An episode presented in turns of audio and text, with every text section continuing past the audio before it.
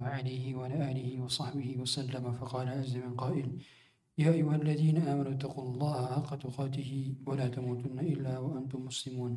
فقال عز وجل يا أيها الذين آمنوا اتقوا الله وقولوا قولا سديدا يصلح لكم أعمالكم ويغفر لكم ذنوبكم ومن يطع الله ورسوله فقد فاز فوزا عظيما.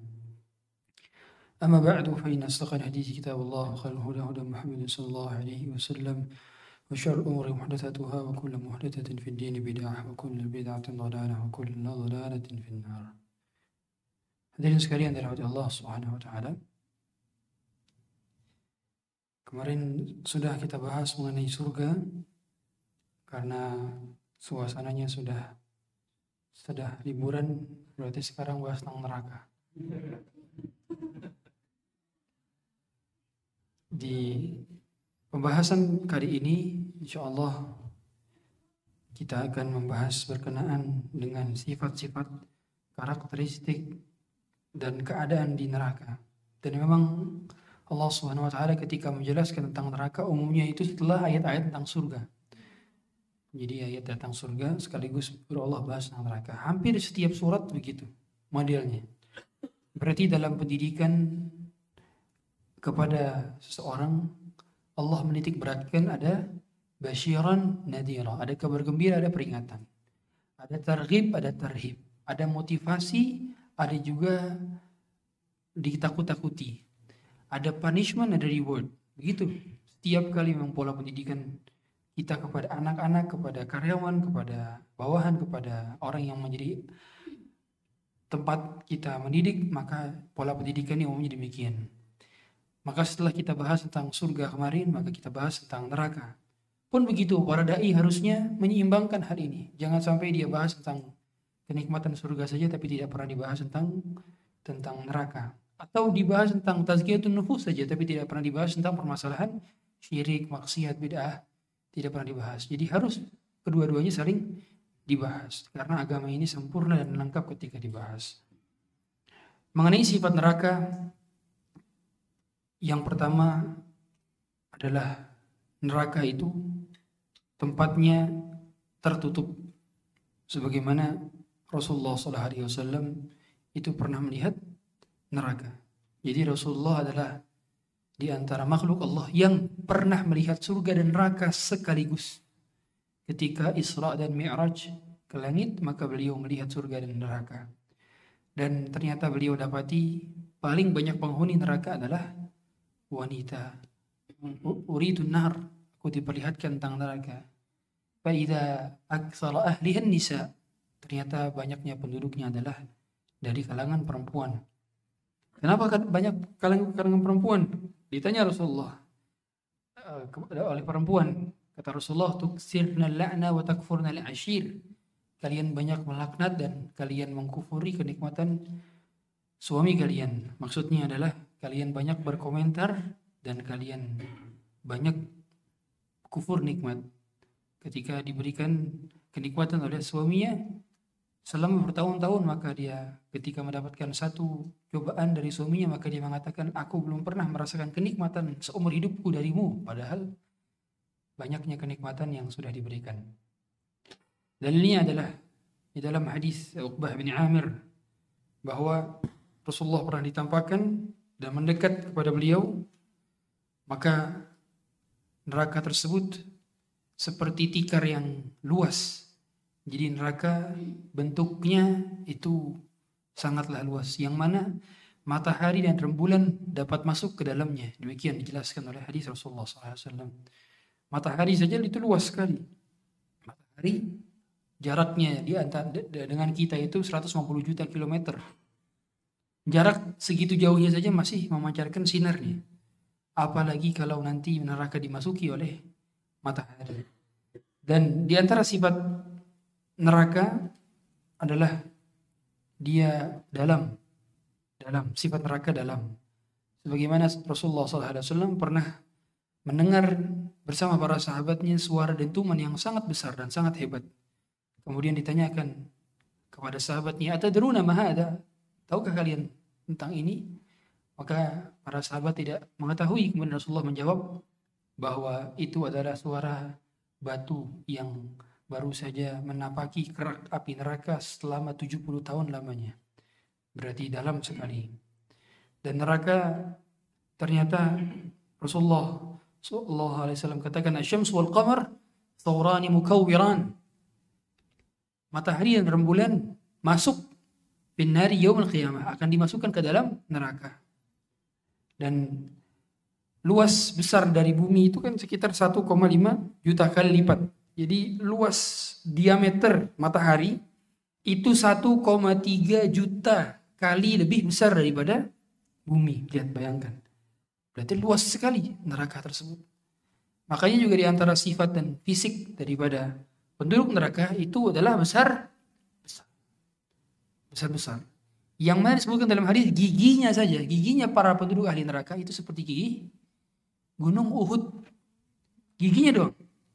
Eh, teman-teman sekalian kalau ada yang pernah umroh, Uhud itu ketinggian ke atas kakinya itu sekitar uh, 200 apa 2000 kaki di atas mata di, di atas di atas permukaan bumi. Dia panjangnya itu sekitar 7 sampai 8 km. Uh, dan lebarnya itu 2 sampai 3 km. Luas dan lebar sekali. Dan giginya penduduk neraka ternyata sebesar itu. Berarti sangat besar sekali. Dan neraka di antara sifat berikutnya adalah sangat panas. Jadi api yang kita rasakan saat ini, ini adalah satu per tujuh puluhnya api neraka. Coba hadirin sekalian, kalau kita mau sedang bermaksiat, makanya dahulu ada ulama yang setiap kali dia berhasrat untuk melakukan kemaksiatan, dia ambil korek api, dia bakar ujung jempolnya. Dia ngerasain, oh begini rasa panas. Dan ini baru satu per tujuh puluh dari panasnya api neraka. Gak jadi akhirnya. Karena merasakan begitu panasnya api yang dia rasakan. Apalagi api neraka. Sebagaimana kata Rasulullah SAW, Narukum hadhihi yuqadu bani Adam. Juz'un min sab'ina juz'an min nari jahannam. Api kalian ini adalah satu dari 70 panasnya api neraka. Baru satu per 70 saja. Bayang satu per 70 itu jauh sekali perbedaannya. Ya. Uh, makanya satu bagian saja itu sudah cukup untuk menghanguskan rumah-rumah, menghanguskan bangunan, menghanguskan tubuh, apalagi ditambah 69 kali lipat. Ya. Kemudian di antara sifat neraka, neraka itu memiliki atap. Neraka itu memiliki atap. Sebagaimana kata Allah Subhanahu wa taala, "Intaliqu ila zillin dhi thalathi syu'ab." la dhariri wa la yughni min al Jadi neraka tersebut itu memiliki naungan yang berupa api neraka. Jadi atapnya adalah api. Dan terus menyala-nyala dan tidak memenuhi seorang pun yang berada di dalamnya. Kata Allah juga, Itu naungan asap yang hitam. Jadi justru api neraka saking panasnya maka apinya sampai-sampai berwarna jadi kalau hadirin sekalian melihat kita nyalain kompor itu apinya itu berwarna-warna. Ada yang warna biru, ada yang warna hijau, ada yang warna merah di atasnya. Di neraka tidak ada warna demikian warna api. Warna apinya hitam, pekat, saking panasnya kedalaman api neraka. Dan tidak sejuk dan tidak pula menyenangkan. La baridu wala karim. Tidak sejuk dan tidak pula menyenangkan.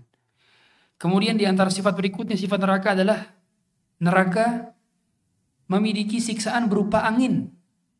Angin yang kencang dan angin yang mendidih. Kata Allah Subhanahu wa taala, "Fi samumi wa hamim." Panasnya dengan dibandingkan dengan api dunia tidak ada apa-apanya dan anginnya saja sudah mampu menyiksa seluruh penduduk bumi. Baru anginnya saja. Dan neraka adalah bahan bakarnya dari mana? dari manusia dan batu. Bagaimana Allah katakan ya ayyuhalladzina amanu qu anfusakum wa ahlikum nara wa quduhan nas wal hijarah yang mana bahan bakarnya berasal daripada manusia dan bebatuan. Lihat bahan bakarnya manusia. Berarti neraka tersebut semakin besar apinya kalau semakin banyak jumlah manusianya karena dia menjadi bahan bakar. Dan bebatuan ternyata yang menjadi salah satu bagian daripada bahan bakar api neraka.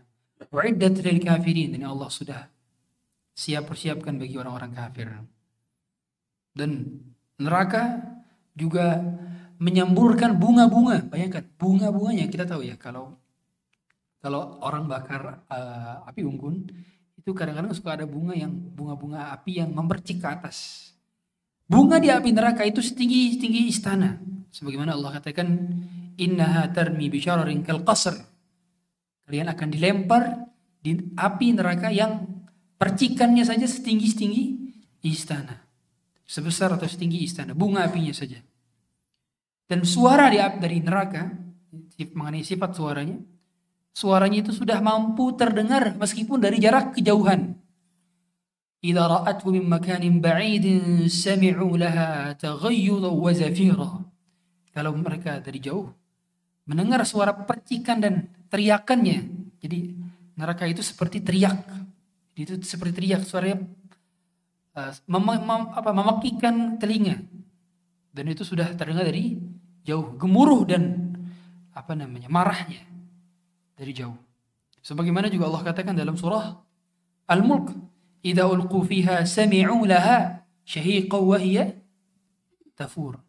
Apabila mereka dilemparkan ke dalamnya, maka mereka mendengarkan suara pekikan yang amat ganas. Kemudian neraka juga ada penjaganya. Siapa penjaga neraka? Malaikat. Malaikat, ya. Dan Allah Subhanahu wa taala malaik Allah katakan malaikatun ghiladun syidad. Para malaikat yang kasar dan keras. Amatlah keras dalam menyiksa dan amatlah keras dalam memukul. La ya'suna Allah ma amarahum wa yaf'aluna ma yu'marun. Mereka tidak pernah membuat maksiat kepada Allah dan mereka selalu menjalankan apa yang diperintahkan oleh Allah Subhanahu wa taala. Mengenai sifat neraka berikutnya adalah pintunya. Pintu api neraka, pintu neraka ada berapa? Tujuh. Sebagaimana Allah katakan, Laha sab'atu abwabin likulli babin minhum juz'un maqsum. Neraka memiliki tujuh pintu. Dan setiap pintu itu sudah ada golongan yang menjadi tempatnya masing-masing. Ada orang yang masuk neraka gara-gara apa? Gara-gara punya pet, punya apa? Punya hewan peliharaan, gak dikasih makan. Dia masuk neraka gara-gara hal tersebut. Ada orang masuk neraka karena durhaka ke orang tua, atau orang masuk neraka karena durhaka kepada istrinya. Ada orang masuk neraka karena dia tidak berbuat baik kepada anaknya. Ada orang masuk neraka karena dia berlaku zalim kepada sama manusia dan seterusnya. Ada orang masuk neraka karena minum khamr, ada orang masuk neraka karena berzina, ada orang masuk neraka karena dia kafir. Yang jelas tiap tempat tersebut telah menjadi ketentuan bagi setiap orang yang berlaku zalim.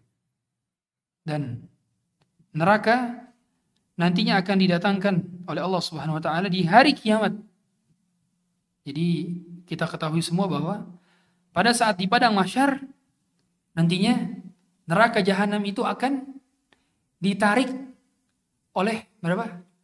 4,9 M malaikat. Dalilnya mana Ustaz? Dalilnya dalam hadis Bukhari Muslim. Yu'ta binar yawmal qiyamah laha sab'atu zimamin. Laha sab'ina alfa zimamin ma'a di zimamin. Sab'atu alfi malakin yajurruna. Didatangkan neraka jahanam dan neraka jahanam tersebut memiliki 70 ribu tali.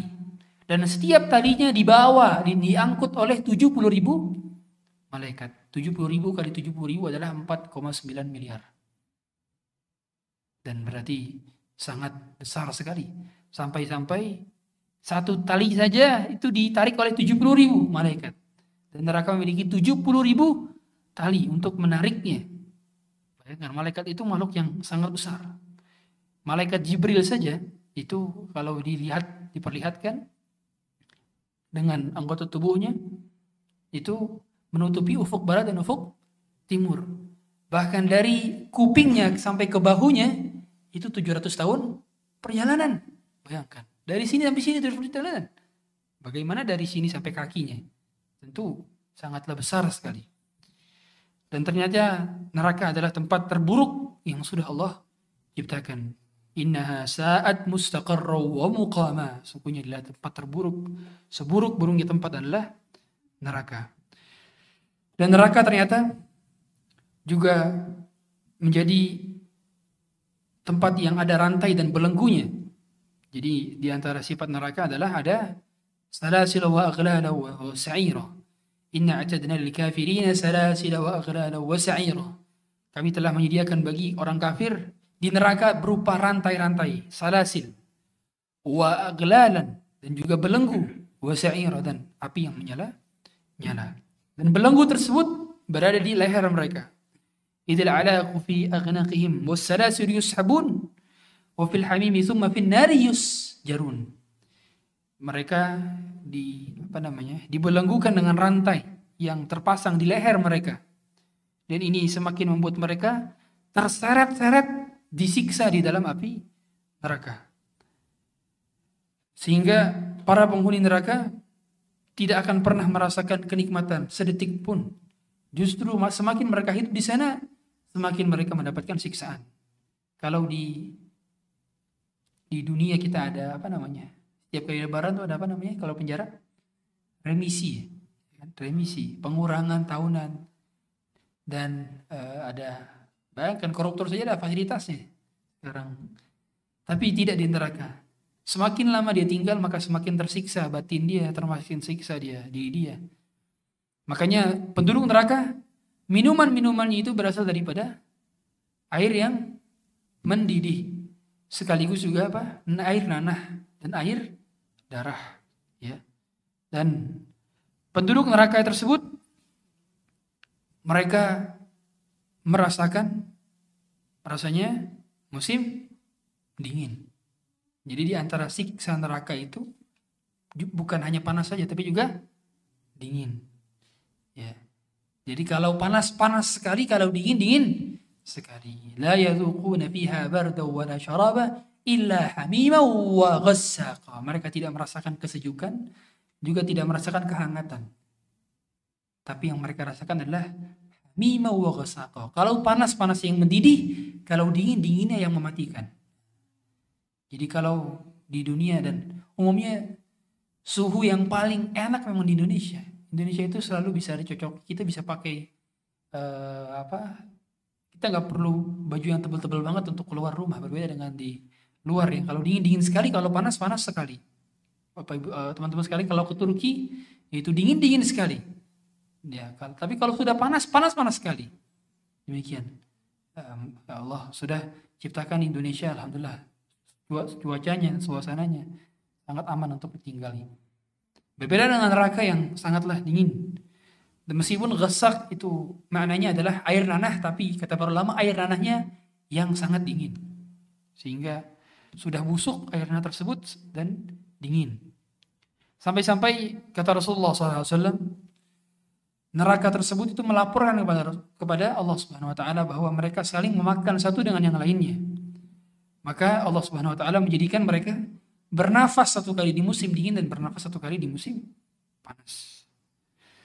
Dan minuman dan makanan dari penduduk neraka adalah air yang mendidih dan nanah-nanah. Yang itu setiap kali mereka makan dan minum, maka menjadikan mereka terbakar usus-ususnya. Kata Allah Subhanahu wa taala, "Wasuqu ma'an hamiman faqad ta'am'a'ahum." Maka diberikan makanan kepada mereka sampai-sampai usus mereka itu terpotong-potong tercabik-cabik karena air yang mendidih tersebut. Dan makanan penduduk neraka adalah pohon zakum. Zakum. Pohonnya pohon zakum. Pohon zakum itu kalau Bapak Ibu sekalian atau teman-teman sekalian lihat banyaknya itu di kota Taif. Taif. Kalau sempat umroh, nah di Taif itu itu dia banyak pohon-pohon yang seperti duri. Dia batang-batangnya berduri dan tidak berbuah. Tidak berbuah. Tajam-tajam. Dan pada saat itu dahulu Abu Jahal bersama kawan-kawannya mengejek Rasulullah. Tahukah kalian apa itu pohon zakum yang ditakut-takuti oleh si Muhammad? Kata Abu Jahal. Sesungguhnya itu cuman sekedar kurma ajwa saja kata dia dan kita nanti akan memakannya kata dia dia nantang dan betul nanti Abu Jahal akan memakannya. Sebagaimana Allah katakan inna syajarataz zakum ta'amul athim kalmuhl yaghli fil butun kaghayil hamim. Betul nanti mereka akan makan. Karena pohon zakum adalah ta'amul athim makanan bagi orang-orang yang berbuat dosa dan berbuat durhaka kepada Tuhannya. Kaghayil hamim kaghayil yaghli fil butun. Dan itu mendidih di perutnya sampai-sampai membuat perutnya menjadi rusak. Kaghayil hamim seperti panasnya air mendidih. Kita tahu ada hadis Rasulullah SAW yang menyatakan bahwa satu tetesan daripada pohon zakum kalau seandainya menetes di bumi maka dia akan menghancurkan satu bumi. Tidak ada kehidupan lagi di muka bumi. Satu tetes saja.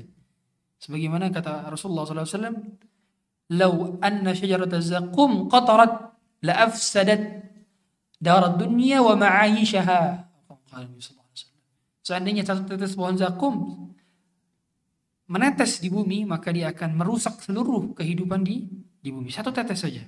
Bagaimana kalau ternyata itu yang menjadi makanan dan minuman bagi penduduk neraka? Dan ternyata para penduduk neraka juga makan apa?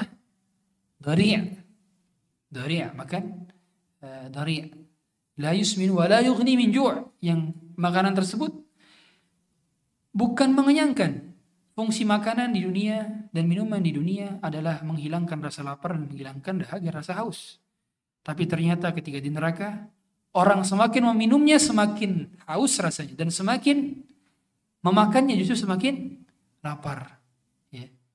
Eh, teman-teman sekalian, kalau lagi berada di tengah-tengah lautan, lagi kehausan justru jangan minum air laut. Karena semakin minum semakin haus kan gitu. Maka caranya dengan apa?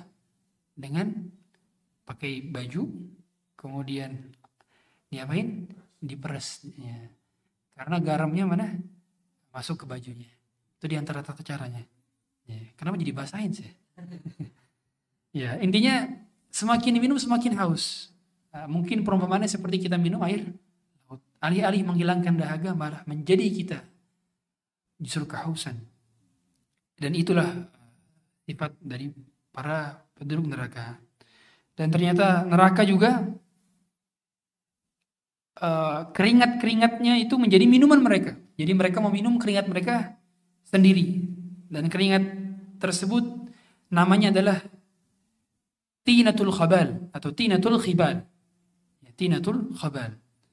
Jadi kata Rasulullah SAW, Adallahi ahdan. Allah memiliki sebuah perjanjian. Allah berjanji kepada para peminum khamr bahwa Allah akan memberi minum mereka nanti di hari kiamat dengan tinatul khabal. Para sahabat bertanya, ya Rasulullah apa itu tinatul khabal? Kata Rasulullah itu keringatnya para penghuni neraka. Jadi orang-orang yang minum khamr akan meminum keringatnya sendiri di neraka dan itu sangatlah menyiksa. Pakaian penduduk neraka. Masuk kita ke dalam pakaian penduduk neraka. Pakaian penduduk neraka adalah berasal dari api neraka. Yang mana setiap kali dia pakai maka menghancurkan tubuhnya. Tapi dia memerlukan pakaian tersebut. Semakin dipakai lagi semakin menghancurkan tubuhnya. Semakin dipakai lagi semakin menghancurkan tubuhnya. Terus-terusan. Dan itu menghancurkan kulit-kulit mereka dan menghancurkan isi perut mereka. Kemudian juga siksaan yang paling ringan di neraka adalah siksaan siapa? Abu Talib. Siksaan Abu Talib. Dan siksaan orang-orang yang yang kafir tapi mereka berbuat kebaikan di dunia. Jadi kaedahnya pakatan dalam sunnah wal jamaah orang kafir yang berbuat baik di dunia ketika meninggal dalam keadaan kafir maka tetap kekal di api neraka tapi siksanya diringankan sesuai dengan kebaikannya di dunia. Jadi kalau kita lihat ada orang kafir, dia sedekah, dia bantu Palestina misalnya dia bahkan bangun masjid misalnya, tetap dia nggak akan bisa masuk surga kalau dia tidak pernah login. Gitu. Syaratnya harus login. Sebagaimana kita sekolah mau bisa dapat ijazah ya harus daftar. Gak bisa kita nggak daftar gitu. Makanya kalau dikatakan kalau orang kafir berbuat baik masuk neraka apa nggak tetap masuk neraka.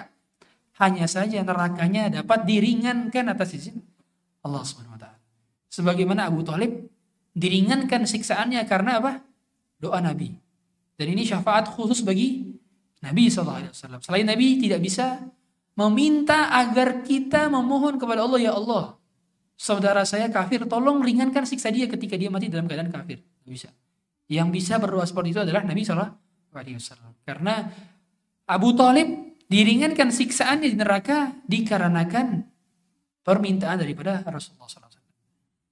Adapun dalil mengenai orang kafir diringankan siksaannya di neraka karena berbuat baik selama di dunia adalah Abu Lahab.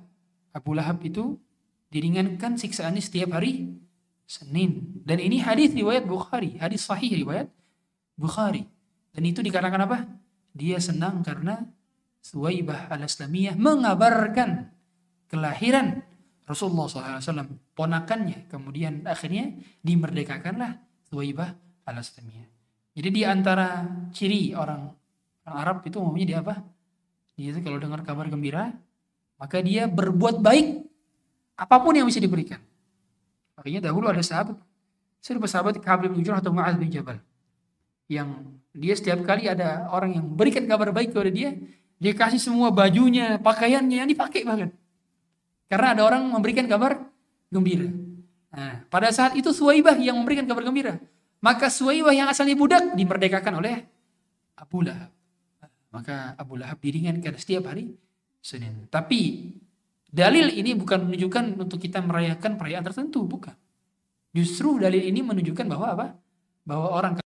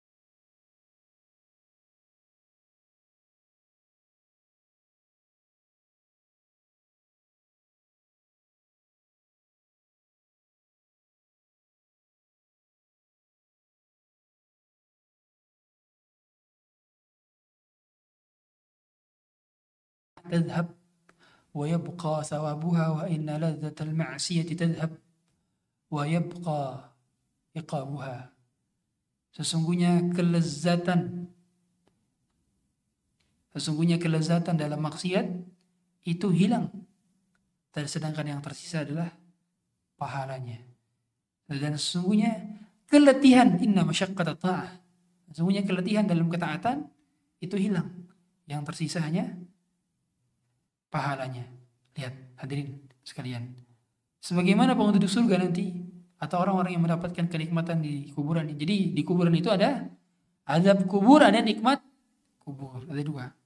Orang yang merasakan nikmat kubur di detik dia merasakan kenikmatan itu, maka di detik itu pula dia melupakan segala macam kesulitannya, kegundahannya, keletihannya dalam beribadah. Lupa dia Rasanya ngantuk-ngantuk di luar sekolah ketika dengar kajian Ustaz Abdul Rahman Zahir. Lupa. Lupa rasanya um, apa namanya beribadah sholat tepat waktu ke masjid. Lupa rasanya letih dalam berzikir, dalam zikir pagi petang, dalam memperbaiki bacaan Quran dengan tahsin. Lupa rasanya. Karena keletihan tersebut akan terlupakan ketika pertama kali merasakan kenikmatan di dalam kubur. Sebagaimana juga orang yang pertama kali merasakan siksa di dalam kuburnya, maka di detik itu pula dia melupakan segala macam kenikmatan yang pernah dia rasakan. Dia pernah merasakan mobil mewah, rumah megah, kenikmatan ini dan itu. foya-foya, lupa. Segala macam kenikmatan itu akan terlupakan di detik pertama kali dia merasakan azab kubur. Sebagaimana kata Rasulullah SAW, "Yu'ta bi'an umi ahli dunya min ahli nari." Didatangkan orang yang paling merasakan kenikmatan di dunia. Bayangkan. Orang yang paling mendapatkan kenikmatan di dunia didatangkan, tapi dia ternyata penduduk neraka. Kemudian dicelupkan fayus fin nari sadghatan. Dicelupkan sedikit ke dalam api neraka. Sadghatan. Atau ditempel doang dengan api neraka sedikit saja. Kemudian dikatakan kepadanya, yuqal, ya bani Adam, hal ra'aita khairan qad? Apakah kamu melihat bahwa kami pernah merasakan kenikmatan sedikit saja? Apa jawab dia? Kata dia, la Allah ya Rabb. Demi Allah ya Allah tidak pernah. Berarti apa? Dia lupa. Betul-betul nggak nggak pernah ingat dengan kenikmatan tersebut. Kemudian didatangkan yukta bi asyadin nasi bu'san fid dunya min ahli jannah. Didatangkan dari penduduk surga yang paling sakit merasakan cobaan di dunia. Mungkin tangannya semua diamputasi, tubuhnya semua rusak. Ketika dunia dia sakit-sakitan, Ketika dunia dia merasakan himpitan ekonomi, ketika dunia dia merasakan dibenci oleh semua orang, ketika dunia dia merasakan rasanya kesulitan dalam hidup, semua rasanya cobaan ditimpakan kepadanya ketika dunia. Tapi ternyata at the day dia masuk surga. Maka dia fayusbi sabghatan fil jannah, maka dia dicelupkan ke dalam surga atau dimasukkan ke dalam surga. Kemudian dikatakan kepadanya, "Ya bani Adam, hal ra'aita bu'san qad?" Wahal marra bika min syiddatin qad? Apakah kamu pernah merasakan rasanya susah? Apakah engkau pernah merasakan rasanya payah? Kata dia, La Allah ya Rabb, ma ra'aitu bu'san wa la marra bi syiddatun min syiddatin qad. Demi Allah ya Rabb, tidak pernah aku merasakan rasanya sulit dan tidak pernah aku merasakan rasanya susah. Begitulah orang pertama kali masuk surga melupakan rasanya susahnya, pedihnya cobaan di dunia. Dan orang pertama kali masuk neraka melupakan nikmatnya, indahnya dan enaknya berada hidup di dunia. Lupa. Semua kita akan melupakan kenikmatan kita dan akan melupakan kesulitan kita. Maka lebih baik susah-susah terlebih dahulu di dunia dan enak-enak nanti di surga. Sebagaimana dahulu pernah ada seseorang Yahudi, orang Yahudi yang pada saat itu ada Al-Hafidh Ibn Hajar Al-Asqalani Al-Hafidh Ibn Hajar ini seorang hakim. Hakim itu adalah posisi tertinggi di bawah khalifah. Jadi dia adalah seorang yang memiliki kedudukan yang luar biasa. Kemudian dia pakai jubah yang mewah. Dia pakai kuda yang bagus. Ternyata lewat di depan dia seorang Yahudi. Kemudian dia bertanya kepada Al-Hafidh Ibn Hajar, Al-Hakim ini. Wahai Al-Hafidh Ibn Hajar, wahai Ibn Hajar, Bukankah nabimu telah berkata bahwa Allah Subhanahu wa taala menjadikan surga itu bagi orang kafir di dunia dan menjadi menjadi bagian daripada neraka bagi orang mukmin di dunia. Kata kata Rasulullah SAW bahwa dunia itu bukan bukan bukan neraka tapi penjara. Inna dunya sijnul mu'min wa jannatul kafir. Dunia adalah penjaranya bagi orang beriman dan surganya bagi orang kafir. Orang Yahudi ini tahu Rasulullah pernah berkata demikian. Tapi mengapa aku melihat keadaannya berbalik? Engkau mendapatkan kemewahan, mendapatkan kenikmatan, sedangkan aku justru mendapatkan kemiskinan, kemelaratan. Apa? Jawab Al-Hafidh Hajar, begitu cerdas. Katanya apa? Allah mengatakan, apa Rasulullah mengatakan dunia penjaranya orang beriman dan surganya bagi orang kafir. Saya, kata dia, dengan kondisi sekarang saya seperti ini, dibandingkan kenikmatan di surga, maka dunia saya ini adalah penjara bagi saya. Karena masih ada halal haram. Masih ada satu hal yang tidak diperbolehkan. Berarti dia adalah penjara, meskipun dia merasakan kenikmatan di dunia. Maka orang se tinggi-tingginya merasakan kenikmatan di dunia, tetap saja dunia adalah penjara bagi orang beriman. Karena ada halal haram, ada hal yang boleh, ada yang tidak boleh, ada do and don'ts. Tapi berbeda dengan engkau. Luar biasa. Semelarat-melaratnya engkau di dunia dibandingkan dengan neraka yang engkau hadapi nanti kalau kau mati dalam keadaan kafir, maka engkau akan menganggap bahwa duniamu ini adalah lebih indah dibandingkan di akhirat. Karena duniamu ini adalah surga bagimu. Kalau engkau bandingkan dengan di akhirat. Berarti orang kafir semelarat-melaratnya di dunia, kalau dibandingkan neraka, maka dunia ini adalah surga baginya. Sedangkan orang beriman, senikmat-nikmatnya dunia, kalau dibandingkan dengan surga, maka dia akan menganggap dunia ini sebagai penjara baginya. Luar biasa, indah banget perkataan dan kecerdasan dari Al-Hafidh Hajar. Bahwa dunia sayyidul mu'min wa jannatul kafir. Oleh karenanya pada saat itu, akhirnya orang Yahudi terdiam dengan jawaban daripada Al-Hafidh Hajar. Dan daripada penduduk neraka, nantinya mereka akan melupakan kenikmatan mereka dan penduduk surga. Akan melupakan juga kesusahan mereka hidup di dunia. Hadirin sekalian yang dirahmati Allah Subhanahu wa taala. Nanti di hari kiamat dan orang-orang yang menjadi penduduk neraka, mereka semua akan mengakui dosa-dosa mereka.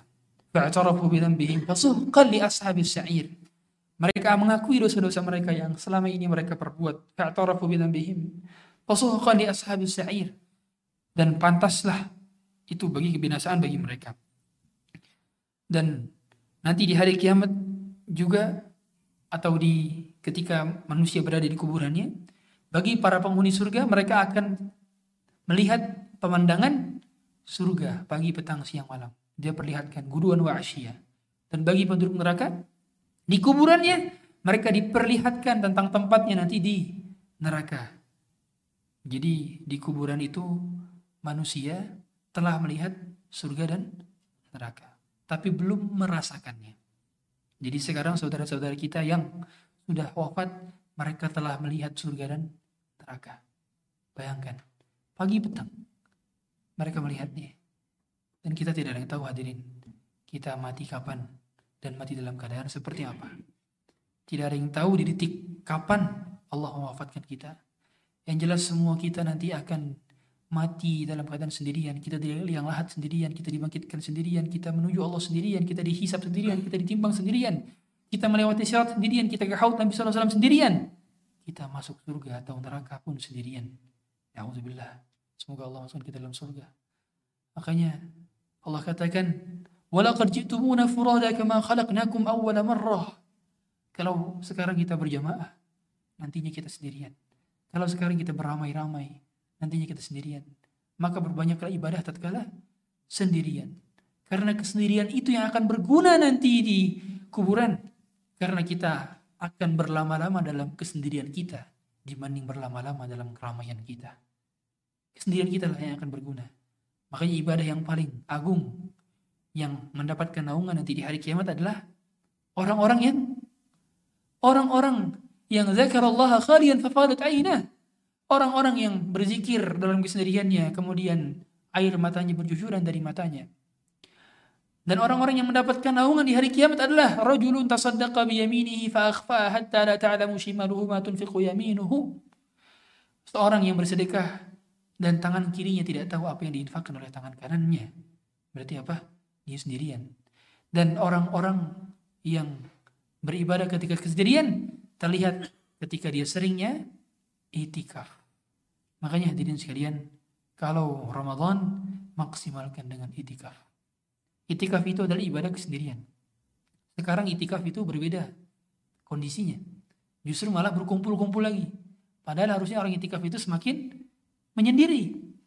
Bahkan nauzubillah saya sempat melihat ada beberapa orang justru bahas bisnis ketika lagi itikaf. Padahal itikaf itu di mana di masjid dan di masjid itu tidak boleh bahas bisnis, tidak boleh promosi, tidak boleh jualan di masjid. Tapi justru malah bahas bisnis. Nah, ini keliru. Dikarenakan apa dia itikaf bergerombol. Makanya kalau saran saya, seandainya Anda mau beritikaf maka lebih baik itikaf yang menyendiri dibandingkan yang bergerombol. Kalau belum bergerombol maka komitmen saya mau itikaf di pojok sana, kamu di sana, kamu di sini masing-masing begitu nanti di bulan Ramadan perbanyak ketika terkhusus di 10 hari terakhir di bulan Ramadan 10 malam terakhir di bulan Ramadan dan ternyata para penghuni surga nantinya betul-betul akan merasakan himpitan. Bagaimana mereka merasakan himpitan tersebut. Dan orang-orang yang ahlul fitrah atau ahlul fatrah, apa itu ahlul fatrah? Orang-orang yang mereka hidup di zaman belum diutusnya Nabi dan Rasul. Atau mereka adalah penduduk yang tidak mendapatkan informasi mengenai Islam. Tidak pernah mendengarkan azan. Dan mereka adalah orang-orang yang tuli bisu sekaligus. Jadi mohon maaf Bapak Ibu sekalian. Kalau orang mengalami tuli dan bisu dari semenjak dia lahir sampai dia dewasa, maka orang ini termasuk ahlul fatrah. Dan dia termasuk kategori orang yang tidak wajib sholat. Kalau orang yang bisu dan tuli sekaligus. Karena apa? Sumber pengetahuan dari mana? Telinga. Kalau bisu saja tapi telinga masih mendengar, maka dia termasuk orang-orang yang wajib. Tapi kalau bisu dan tuli dari sejak awal lahir sampai dia tua, maka dia kategorinya adalah orang yang ahlul fatrah. Hingga kalau dia mati dalam keadaan demikian, gimana caranya? Maka Allah Subhanahu wa taala menguji dia, al-imtihan. Nanti di di surga ada imtihan. Apa itu imtihan? Ujian berupa orang-orang yang ahlul fatrah tersebut berada di di tepi jurang api neraka. Kemudian disuruh dia turun. Disuruh turun, disuruh loncat. Kalau mereka mau loncat, maka mereka dimasukkan ke dalam surga. Tapi kalau mereka tidak mau loncat, maka mereka dimasukkan ke dalam neraka. Itu cara diujinya. Karena mereka ketika disuruh tersebut diuji keimanannya siapa yang betul-betul masih memiliki iman, keimanan. Dan semua orang berarti memiliki tempat kembali. Jadi nggak ada istilahnya ya Allah saya pengen di tengah-tengah aja ya Allah. Nggak ada. Nggak ada tengah-tengah antara surga dan neraka. Ada A'raf. Tapi Ashabul A'raf pun akhirnya adalah penduduk surga. Ashabul A'raf. Yang dosa dan pahalanya sama. Tapi tetap saja mereka semua masuk ke dalam surga. Oleh karenanya tidak ada pilihan hadirin sekalian. Mau surga atau neraka harus surga. Jangan sampai kita beribadah seperti orang-orang yang zindik. Ah, bagaimana cara beribadah orang yang zindik? Kata mereka, kita beribadah tanpa mengharap surga. Dan kita beribadah tanpa takut kepada neraka. Antum lebih soleh daripada Nabi. Nabi saja memohon surga dan memohon untuk dihindarkan dari neraka. Kalau gitu kita mau lebih daripada Nabi? Gak bisa. Tetap berarti memohon surga bukan berarti menjadikan amalan kita tidak ikhlas. Dan memohon untuk dihindarkan dari neraka juga berarti tidak menjadikan amalan kita tidak ikhlas. Karena ternyata Nabi dan Rasul saja berdoa. Rasulullah SAW berdoa, Allahumma ini as'aluka jannah. Nabi Ibrahim berdoa, waj'alni min warathati jannatin na'im. Nah Rasulullah juga SAW berdoa, Allahumma ini a'udzubika min adabi jahannam wa min adabil qabr wa fitnatil mahya wa mamat wa fitnatil masih dajjal. Dan penduduk neraka siapa? Manusia dan jin. Sebagaimana penduduk surga juga manusia dan jin. Hanya saja ada riwayat yang mengatakan bahwa sebagaimana hadis riwayat Tabrani meskipun hadis ini diposisikan oleh Al-Hafidz Ibnu Katsir tapi dijelaskan dan dikuatkan oleh Syekhul Islam bin Taimiyah bahwa nanti di surga dan nanti di neraka kita dapat melihat jin sedangkan jin tidak dapat melihat kita. Itu akidah di antara akidah harus sunnah jamaah. Mengapa? Karena Allah maha adil. Kalau di dunia kita tidak bisa melihat jin dan jin bisa melihat kita, nanti di akhirat jin tidak bisa melihat kita dan kita bisa melihat mereka. Itu di antara keadilan Allah Subhanahu wa taala. Karena pada dasarnya kita ini hidup berdampingan. Makanya disebut as-saqalain. Saqalain itu adalah jin dan manusia. Jadi saqalain itu uh, apa adalah jin dan manusia dan syariat hanya diturunkan untuk jin dan manusia. Jadi yang mendapatkan beban taklif untuk apa namanya berbuat kebaikan dan menjauhkan dari dosa adalah jin dan manusia. Sehingga jin juga memiliki kewajiban yang sama seperti kita. Hanya saja tidak ada rasul dari kalangan jin. Rasul itu hanya dari kalangan manusia dan rasulnya jin adalah rasulnya manusia. Sehingga rasulnya jin itu Rasulullah SAW juga. Bukan rasul jin, nggak ada. Rasul jin tidak ada. Sehingga mereka juga mendengarkan bacaan kita dan saat ini menghadiri juga kajian-kajian kita. Barangkali di kanan kiri teman-teman sekalian ada jin. Bukan teman sebelahnya. Tapi betul-betulan. Karena memang uh, jin juga membutuhkan dakwah. Sebagaimana Rasulullah SAW ketika Rasulullah membacakan ayat Quran, kemudian datang pada saat itu jin, jin.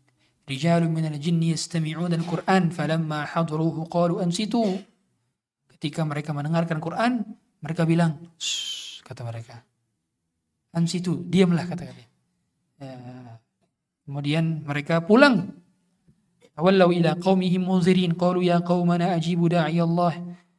Uh, mereka menyuruh kaumnya untuk beribadah. Dan para jin berarti diberikan beban taklif. Sehingga para jin juga mereka punya kewajiban untuk umroh, haji, salat, sedekah, zakat sama seperti kita. Tapi teknisnya berbeda dengan kita. Sebagai contoh teknis haji mereka. Mereka itu hajinya jangan cara apa? Terbang. Terbang. Jangan cara terbang. Karena mereka punya kemampuan untuk terbang. Tapi kemampuan terbang mereka berbeda dengan kemampuan terbang malaikat. Makanya jin kalau mencuri berita harus ngapain? Harus es, estafet ke langit. Mereka nggak bisa langsung ke atas. Karena terbatas terbangnya. Sebagaimana kata Al-Hafidh As-Suyuti dalam Laqtul Marjan fi Ahkamil Jan. Beliau punya kitab berisi tentang jin. Nah, itu kalau kita bahas nanti nggak kelar-kelar. Ya. Dan demikianlah uh, kajian kita tentang neraka dan penjelasan tentang neraka tidak sebanyak penjelasan tentang surga dan uh, bagi hadirin yang ingin bertanya kami persilakan. Atas penjelasannya dan juga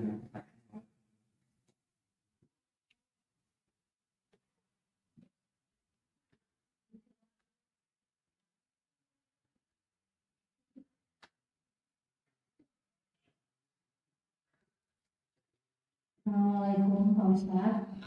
Izin bertanya e, Jadi ada salah satu keluarga yang kebetulan beliau e, berpindah agama menjadi Kristen Nah yang tadi Ustadz sampaikan kan kalau misalkan nggak login dulu beliau tidak akan bertemu lagi eh tidak ada kesempatan untuk masuk surga berarti kalau kayak gitu apakah saudara dari uh, saya nanti di akhirat akan tidak akan bertemu lagi sama sekali karena beliau meninggal dalam keadaan belum masuk.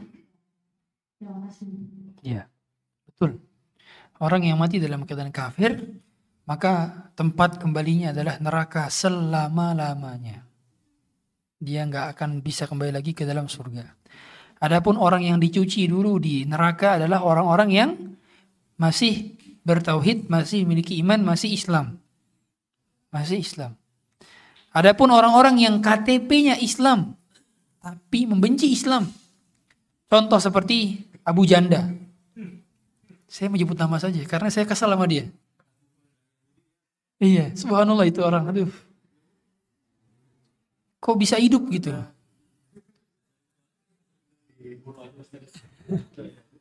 Ya Allah. Ya.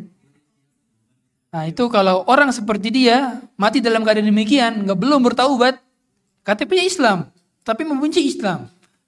KTP-nya Islam, tapi malah mendukung Israel. Gimana ceritanya? Ya kan? Nah, maka dia nanti di hari kiamat akan bersama orang-orang kafir. Karena innal munafiqina fid darkil asfali minan nar. Orang-orang kafir, orang-orang munafik itu berada di bawah kerak api neraka. Jadi yang masuk ke neraka itu adalah Mas selamanya ya, selamanya neraka adalah orang kafir, orang musyrik, orang munafik. Kalau orang yang sementara di neraka adalah orang-orang mukmin yang dosanya lebih banyak dibandingkan pahalanya. Dicuci dulu di neraka dan masuk ke dalam surga pada akhirnya. Adapun orang-orang yang melewati syarat siapa saja? Dua, ingat ya kemarin. Siapa saja? Yang pertama, orang mukmin dan orang munafik. Jadi yang melewati syarat itu orang mukmin dan orang munafik. Orang mukmin mampu melewatinya dan orang mukmin yang tidak mampu melewatinya adalah orang mukmin yang dicuci dulu, Kemudian orang munafik yang langsung terjerumus ke dalam ke dalam api neraka meskipun dia sempat melewatinya. Adapun orang kafir, orang musyrik, orang yang uh, tidak beriman, maka mereka tidak melewati syarat, langsung menuju neraka. Begitu. Uh, sehingga kalau orang yang murtad itu harus diajak taubat. Diajak taubat, diajak taubat.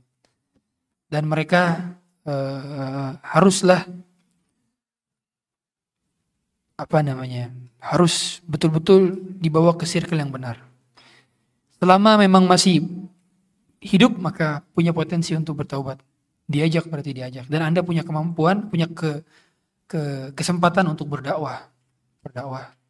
Suruh dia syahadat ulang. Syahadat ulang. Banyaknya orang yang murtad sekarang itu orang yang murtad ke ateis.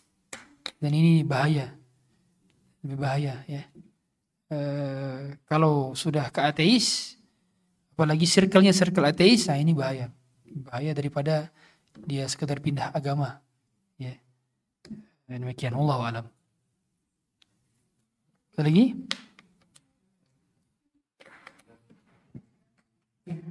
Bismillahirrahmanirrahim. Bismillahirrahmanirrahim Ustaz. Uh, jadi misalnya orang itu tuh meninggal tapi mati suri. Nah, terus misalnya mati suri itu tuh berarti dia melihat neraka sama surga. Apakah itu kan benar? Terus, yang kedua, terus kita mimpi nih, kita mimpi, terus mimpiin orang atau keluarga kita yang sudah meninggal dan minta tolong. Nah, itu tuh siapa? Gimana pertanyaan kedua gimana? Tadi?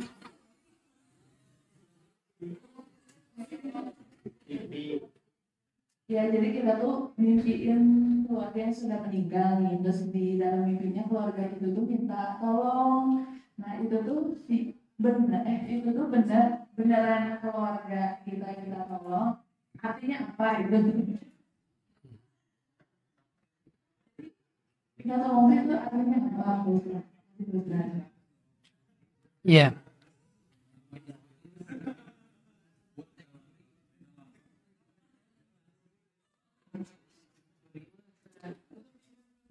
Um,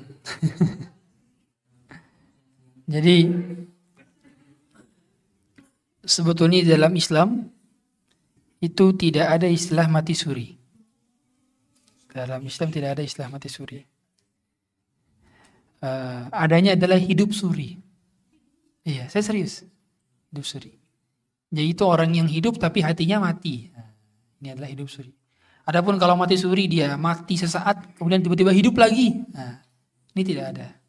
Hanya saja pada saat itu dia berarti dalam keadaan posisi masih koma, berarti kan gitu. Koma. Ya, dan itu tidak ada istilah mati suri. Orang yang sudah Allah wafatkan maka dia tidak akan kembali kecuali atas izin Allah. Dia kembalinya. Tidak ada istilah mati suri, ya. Kemudian kalau misalkan dia melihat surga dan neraka, maka itu bagian daripada mimpi. Karena orang yang hidup dan dia melihat pemandangan surga neraka itu bagian daripada mimpi. Sedangkan orang yang betul-betul melihat surga dan neraka dalam keadaan dia sadar adalah ketika berada di mana? Kuburan. Tadi dia diperlihatkan guruan wa asyia. Kemudian bagaimana Ustaz kalau kita bermimpi bertemu dengan orang yang sudah meninggal dunia? Ya. Maka itu memungkinkan saja. Itu mungkin mungkin saja. Orang memimpi melihat orang yang meninggal dunia, maka itu mungkin saja. Dan ada dua kemungkinannya. Ada dua kemungkinannya. Yang pertama dia membutuhkan doa Anda barangkali. Dan yang kedua itu sebagai pelajaran yang Allah berikan kepada Anda bahwa Anda pun akan mati seperti itu. Makanya kenapa kita mampu juga bermimpi bertemu Rasulullah SAW. Kan gitu. Dan dahulu siapa? Banyak para salafus soleh bermimpi berjumpa dengan orang-orang soleh sebelumnya. Di antaranya ibunya Imam Bukhari. Ibunya Imam Bukhari itu punya anak Imam Bukhari yang buta, masih kecil. Jadi Imam Bukhari itu dulunya buta. Iya. Imam Bukhari. Oh ada namanya Bukhari juga di sini. Jadi dulunya dulunya tidak bisa melihat. Kalau di sini Imam Bukhari-nya belum punya kitab Sahih Bukhari. Kalau Sahih Bukhari belum sahih. Nah, terus kemudian ibunya berdoa pagi petang siang malam. Serius, ya Allah kembalikanlah penglihatan anakku. Sampai akhirnya beliau bermimpi berjumpa dengan Nabi Ibrahim. Kata Nabi Ibrahim, besok pagi Allah akan mengembalikan matamu dan akan menjadikan dia sebagai seorang yang ahli ilmu. Katanya. Ini di pagi melihat betul-betul anaknya Imam Bukhari bisa melihat. Dan pada saat bisa melihat, maka Allah mudahkan dia untuk mencari ilmu hadis ilmu atau hadis-hadis Nabi SAW sejak umur 16 tahun. 16 tahun dicari hadis dan jadilah tumpukan hadis sahih saja. Nah, luar biasa. Begitu pula kata Rasulullah apa? Man ra'ani fil manam faqad ra'ani fa inna syaitana la yatamassalu bi. Siapa yang melihatku dalam mimpinya, maka dia bisa melihatku. Karena syaitan tidak bisa menyerupakanku. Berarti seseorang mampu berjumpa dengan Nabi dalam mimpinya. Tapi dengan syarat. Dia harus tahu karakter Nabi, ciri Nabi, fisik Nabi. Kalau orang yang belum pernah belajar tentang fisik Nabi, karakteristik Nabi, ciri-ciri Nabi, kemudian tiba-tiba dia, saya baru bertemu Nabi Ustaz, atau saya melihat ada orang yang mengaku Nabi dalam mimpi saya. Maka itu adalah syaitan yang mengaku-ngaku sebagai Nabi. Syaitan tidak bisa menyerupakan diri sebagai Nabi, tapi syaitan bisa mengaku-ngaku sebagai Nabi kepada orang yang belum pernah mengetahui ciri dan fisik Nabi SAW. Makanya ada kitab namanya Syama'il Al-Muhammadiyah. Syama'il Al-Muhammadiyah. Karya Imam Tirmidzi yang berisikan 400-an hadis tentang karakter Nabi, ciri Nabi, cara jalan Nabi, senyum Nabi, larinya Nabi, cara menyisir Nabi, cara pakai baju Nabi, cara bersiwaknya Nabi, cara pakai parfumnya Nabi, cara pakai semirnya Nabi. Itu ada di dalam kitab Syama'il. Nah, teman-teman kalau mau bermimpi Nabi, maka step awalnya adalah mempelajari kitab itu. Step awalnya. Dan mimpi Nabi bagian daripada rezeki. Sehingga bukan tolak ukur apa? Kesolehan, bukan. Jadi, wah Ustadz dia mimpi Nabi terus-terusan. Itu bukan tanda dia soleh. Karena itu bagian daripada apa? Rezeki. Banyak para masyayikh yang saya dapati kisahnya mereka seumur hidup belum pernah bertemu dengan Nabi dalam mimpinya. Padahal berkali-kali ngajarin kitab Syama'il. Berkali-kali. Tandanya apa? Berjumpa dengan Nabi dalam mimpi adalah sebuah rezeki. Dan rezeki itu pemberian dari Allah. Ada orang yang baru masuk Islam. Belajar kitab Syama'il. Tiba-tiba langsung bermimpi Nabi. Itu ada rezeki. Rezeki lagi-lagi. Nah semoga kita dijumpakan dengan Nabi. Ada lagi yang mau bertanya? Kalau nggak ada saya nanya. Oh ada. Silakan. Uh, apakah anak kita keluar, apakah bisa kita ke atau surga begitu pun sebaliknya orang tua kita bisa menarik ke surga Hmm. Ya. Orang yang menarik nanti kerabatnya, anaknya, orang tuanya di surga, ya,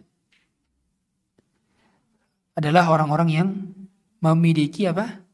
kontribusi untuk kesolehan dia. Contoh, Anda sempat kenal Kang Jibril. Kang Jibril memfasilitasi Anda kajian, mengetahui ilmu agama, atau Kang Ahsan juga sini. Maka nantinya ketika, na'udzubillah, Anda tidak dapati di antara mereka ada di surga, maka Anda bisa meminta menjadi syafaat bagi mereka di hari kiamat. Karena apa? Mereka pernah ada hidup bersama Anda. Maka kebaikan yang kita lakukan kepada orang lain, niatkan saja semoga dia mengenal saya Allah ketika ternyata saya tidak didapati dia di surga. Niatkan demikian. Karena barangkali itu menjadi syafaat kita. Kita nggak tahu yang menjadi syafaat kita yang mana. Kenalan kita yang mana kita nggak tahu. Teman yang mana kita nggak tahu. Bacaan Quran yang mana kita nggak tahu yang menjadi syafaat kita. Barangkali teman-teman sekalianlah yang menjadi syafaat saya. Barangkali. Barangkali bukan di masjid lain, saya ke mana-mana, barangkali bukan. Karena saya tidak tahu. Di majelis yang mana saya ikhlas mengajar, saya nggak tahu. Saya tidak bisa memastikan saya ikhlas atau tidak. Yang mengetahui keikhlasan kita masing-masing adalah Allah. Dan biasanya orang yang tulus ikhlas dalam memberikan perbuatan baik pada orang lain, itulah yang bisa diingat-ingat oleh orang tersebut. Sehingga bisa menarik dalam bentuk apa? Syafa, syafaat. Dan syafaat ini atas izin Allah. Artinya apa? Kita nggak bisa memastikan. Tenang aja, ntar ente anda beri syafaat di hari kiamat. Ente siapa? Karena ada yang kayak gitu. Nanti di hari kiamat, nanti saya akan angkat anda. Nggak bisa. Seandainya kamu ingat kalau Allah tidak izinkan, maka tidak akan diberikan. La yashfa'una illa bi'idnih. Mereka semua tidak bisa memberikan syafaat kecuali atas izin Allah. Kalau orang yang dapat menarik ke neraka, kalau dia punya andil terhadap dosanya. Dan ternyata apa? Ternyata dosa dia lebih banyak dibandingkan pahalanya. Orang-orang yang apa? Pernah menzalimi orang yang terzalimi. Contoh, ada orang kafir atau orang-orang orang fasik ya dia terzalimi oleh orang beriman. Orang beriman ini akhirnya diapain? Pahalanya di gerogotin kan? Digerogotin untuk orang kafir. Sehingga tinggal sisa dosanya saja. Ketika tinggal sisa dosanya, maka dosanya orang fasik ini diberikan kepada orang yang tadi. Akhirnya dia nggak punya stok pahala, akhirnya dia dimasukkan ke dalam neraka. Jadi menariknya dalam bentuk apa? Transfer pahala dan transfer dosa. Dan ini bagi orang-orang yang menzalimi makhluk. Sebagaimana kata Rasulullah SAW, Ya'ti yawm al-qiyamah bihasanatin mithla amsali jibal tuhamah wa ya'ti qad yatama hadha wa qadafa hadha wa safaka dama hadha wa akala mala hadha dia datang dengan pahala yang begitu banyak di hari kiamat pahala hajinya. Bisadaqatin bihasanatin dengan pahala haji dengan pahala umroh dengan pahala banyak pahala. Tapi dia datang sambil membawa dosa karena dia pernah mencaci maki orang lain, pernah menggibah orang lain, pernah memfitnah orang lain, pernah memakan harta milik orang lain. Maka akhirnya fayu'ta bihasanatihi wa hadhihi bihasanatihi. Hasanahnya diambil, kebaikannya diambil. Fa idza fa in funiyat hasanatuhu ukhidha min khatayahu summa turiha finnar. Ketika kebaikannya sudah habis maka dosa-dosa orang tadi diberikan kepada dia dan masuk ke dalam neraka yang memungkinkan untuk bisa masuk ke dalam surga bareng-bareng tanpa ada kontribusi. Apa? Masuk ke dalam surga bareng-bareng, nih, orang masuk surga bareng-bareng, tapi surganya dijadikan satu level. Adalah anak dengan orang tua. Ya. Makanya enak sekali yang keturunannya atas bawah itu baik-baik semua. Itulah mengapa makanya kita diperintahkan untuk menikahi orang yang nasabnya baik. Baik. Karena berarti apa? Ada kemungkinan nanti di hari kiamat ketika di surga ternyata keturunan atas dia apa? Lebih tinggi surganya. Akhirnya kita dibawa naik. Nah. Jadi anak kita mampu merasakan nasab dari keturunan dia di atasnya. Atau keturunan di bawahnya lebih baik karena umumnya nasab yang baik itu melahirkan keturunan yang baik-baik juga. Makanya Rasulullah SAW nasabnya itu baik-baik semua. Nasab Rasulullah itu baik-baik orang terpandang. Dan Rasulullah menyuruh kita untuk menikahi la tunkahul nisa'u illa bi arba'in ya liha lihasabiha linasabiha. Kadang-kadang Rasulullah menyebut lihasabiha kadang-kadang Rasulullah menyebut linasabiha. Apa perbedaan? Hasab dengan nasab. Kalau nasab adalah keturunan yang baik kalau hasab adalah karya besar yang dimiliki oleh keluarga tersebut. Karena umumnya karya besar pasangan keluarga dia pasangan ini mampu melahirkan apa namanya keturunan yang gak jauh beda dengan di atasnya. Contoh, ini yang laki-laki yang belum nikah, umumnya ngelihat calon istri ini keluarganya punya karya besar apa. Oh, ternyata keluarga pasangan itu umumnya adalah para pedagang, pengusaha misalnya. Nanti cara ngelihat potensi anak anda ketika anda menikahi wanita tersebut nggak sejauh-jauh, suruh dia dagang, akan gampang di suksesnya. Caranya gitu. Karena itu ha, hasab. Lihat pasangan. Oh, keluarga pasangan umumnya adalah priai. Apa itu priai? Orang-orang intelek, pendidik, pendidikan dia. Lahir keturunan dari Anda, nggak nggak usah jauh-jauh. Anda bimbing dia, santai didik dia jadi ulama, didik dia jadi ilmuwan. Karena di situ potensinya berarti. Gitu. Makanya mengapa di setiap kabilah-kabilah Rasulullah SAW di apa zaman sahabat itu ada kabilah Bani Umayyah, kabilah Bani Auf, kabilah kabilah kabilah lain-lainnya itu mereka itu punya karya-karya besar contoh kabilah Utsman. Kabilah Utsman atas bawah itu orang-orang kaya. Dia keturunan kaya-kaya, kabilahnya kaya dan akhirnya apa? Setiap kaya lahir keturunan Utsman potensinya gak jauh-jauh dari bisnis dagang. Ada juga kabilah-kabilah yang menjadi pemegang kunci Ka'bah misalnya. Berarti terlihat dari amanah. Oh berarti nanti dia jadi bendahara, jadi menteri keuangan dan terusnya. Gak jauh. Karena itu potensi. Itu namanya hasab. Hasab. Dan orang-orang nanti di hari kiamat kalau sama-sama surga, lihat anaknya atau bapaknya, nanti dia surganya akan mengikutin yang paling tinggi. Waladina amanu wattaba'athum dzurriyyatuhum biimanin alhaqna bihim dzurriyyatahum ma alatnahu min amali min syai. Kullu imrin bima kasaba rahin. Dalam surat Tur Allah katakan orang yang beriman dan diikuti dengan keturunannya maka keturunannya akan sama dengan surga yang paling tinggi tanpa dikurangi sedikit pun dari surganya.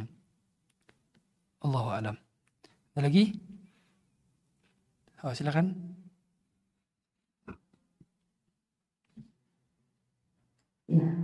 Izin bertanya Ustaz, uh, masih terkait dengan pertanyaan tegar tadi bahwa uh, katanya kan nanti di akhirat kelak kita akan bertemu kembali dengan orang tua, dengan adik atau kakak kita. Nah, tapi bagaimana dengan uh, ada salah satu contoh seperti kisahnya Nabi Nuh bahwa kan anak beliau beserta istri beliau tuh uh, apa ya memiliki uh, keyakinannya yang berbeda dengan Nabi Nuh gitu. Jadi kalau untuk uh, kasus seperti itu bagaimana? Iya. Yang akan bertemu sama-sama di surga adalah yang beriman. Kalau tidak beriman maka tidak masuk ke dalam surga dan tidak dipertemukan di surga. Sehingga Nuh nanti tidak akan bertemu dengan ayahnya di akhirat. Karena anaknya Nabi Nuh masuk neraka, yaitu Kanaan, sedangkan Nabi Nuhnya masuk ke dalam surga. Sehingga tidak dipertemukan. Jadi kalau ada saudara kita yang murtad, maka tidak dipertemukan. Bahkan, bahkan nanti di hari kiamat orang-orang yang dahulunya saling cinta, saling sayang, nongkrong bareng, uh, have fun bareng, ternyata mereka bermaksiat, kemudian mereka masuk neraka, mereka tidak akan menjadi teman lagi. Akan menjadi musuh di hari kiamat. Dalilnya dalam surat Al-Ahqaf, Allah katakan al-akhillau yawma idzin ba'duhum li ba'din aduwwun illal muttaqin. Para orang yang menjadi kekasih al-akhilla yauma idzin ba'duhum li ba'din adu. Mereka nanti di hari kiamat akan menjadi musuh kecuali orang-orang yang bertakwa. Jadi yang menjadi saudara di hari kiamat adalah orang-orang bertakwa saja. Orang yang sama-sama bertakwa maka mereka akan menjadi saudara. Adapun orang yang bertakwa dengan orang beriman tidak akan menjadi saudara. Mereka akan berpisah. Hatta sampai di hari kiamat itu ketika di sudah surga neraka orang-orang penduduk neraka meminta air minum. Wa wujuh. Ketika mereka meminta air dari penghuni surga, tapi Allah tidak mengizinkan. Malah mereka diberikan apa? Ma'ul hamim, ma'an hamiman. Itu air yang mendidih. Ya, di dalam surah Al-A'raf itu dijelaskan, "Wa nada ashabun nari ashabal jannati an afidu 'alaina minal ma' aw mimma razaqakumullah." Qalu inna Allah harramahuma 'alal kafirin. Sedih sekali itu percakapan antara penghuni surga dengan penghuni neraka dan penghuni ashabul a'raf. Ya, penghuni neraka bilang kepada penghuni surga, "Nada ashabun nari ashabal jannah." An afidu alaina minal ma berikan kepada kami air. qalu Allah harramahum 'ala kafirin sungguhnya Allah mengharamkan bagi orang-orang kafir. Orang kafir. Dan penghuni uh, surga tidak akan bisa menjadi saudara bagi penghuni neraka. Kalau ternyata dia selamanya di neraka. Tapi kalau dia masuk surga pada akhirnya maka nanti akan menjadi saudara juga di surga dan di surga itu ada pasar kan, bagaimana gitu? Belasan kemarin yang menjadi tempat pertemuan bagi orang-orang di surga. Dan itulah reuninya para penghuni surga di pasar tersebut. Tapi di pasar itu tidak ada jual beli. Ya. Sudah tidak ada lagi perdagangan bisnis di sana. Yang ada ada pertanian, pertanian ada. Ya, pertanian ada. Orang yang menanam ada. Jadi kalau mau bisnis, dah puas-puasin Kang Jibril Kang Hasan di dunia. Karena di surga nggak ada lagi bisnis. Ya, demikian Allah Allah.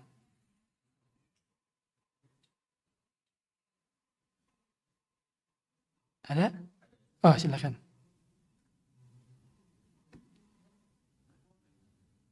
Baik, Ustaz. Eh, ada tiga atau empat pertanyaan. Insya Allah. Pertama, eh, Anda tuh lupa apakah ada hadis atau dalil atau apa pun itu rasio surga dan jumlah neraka. Udah pasti pasti menurut kita lebih sedikit dibanding neraka, tapi rasionya berapa dan eh, paling banyak di penduduk di neraka itu dari golongan mana kalau salah jadi maksudnya itu mohon penjelasannya itu yang satu. Yang kedua tentang jenis atau nama-nama neraka.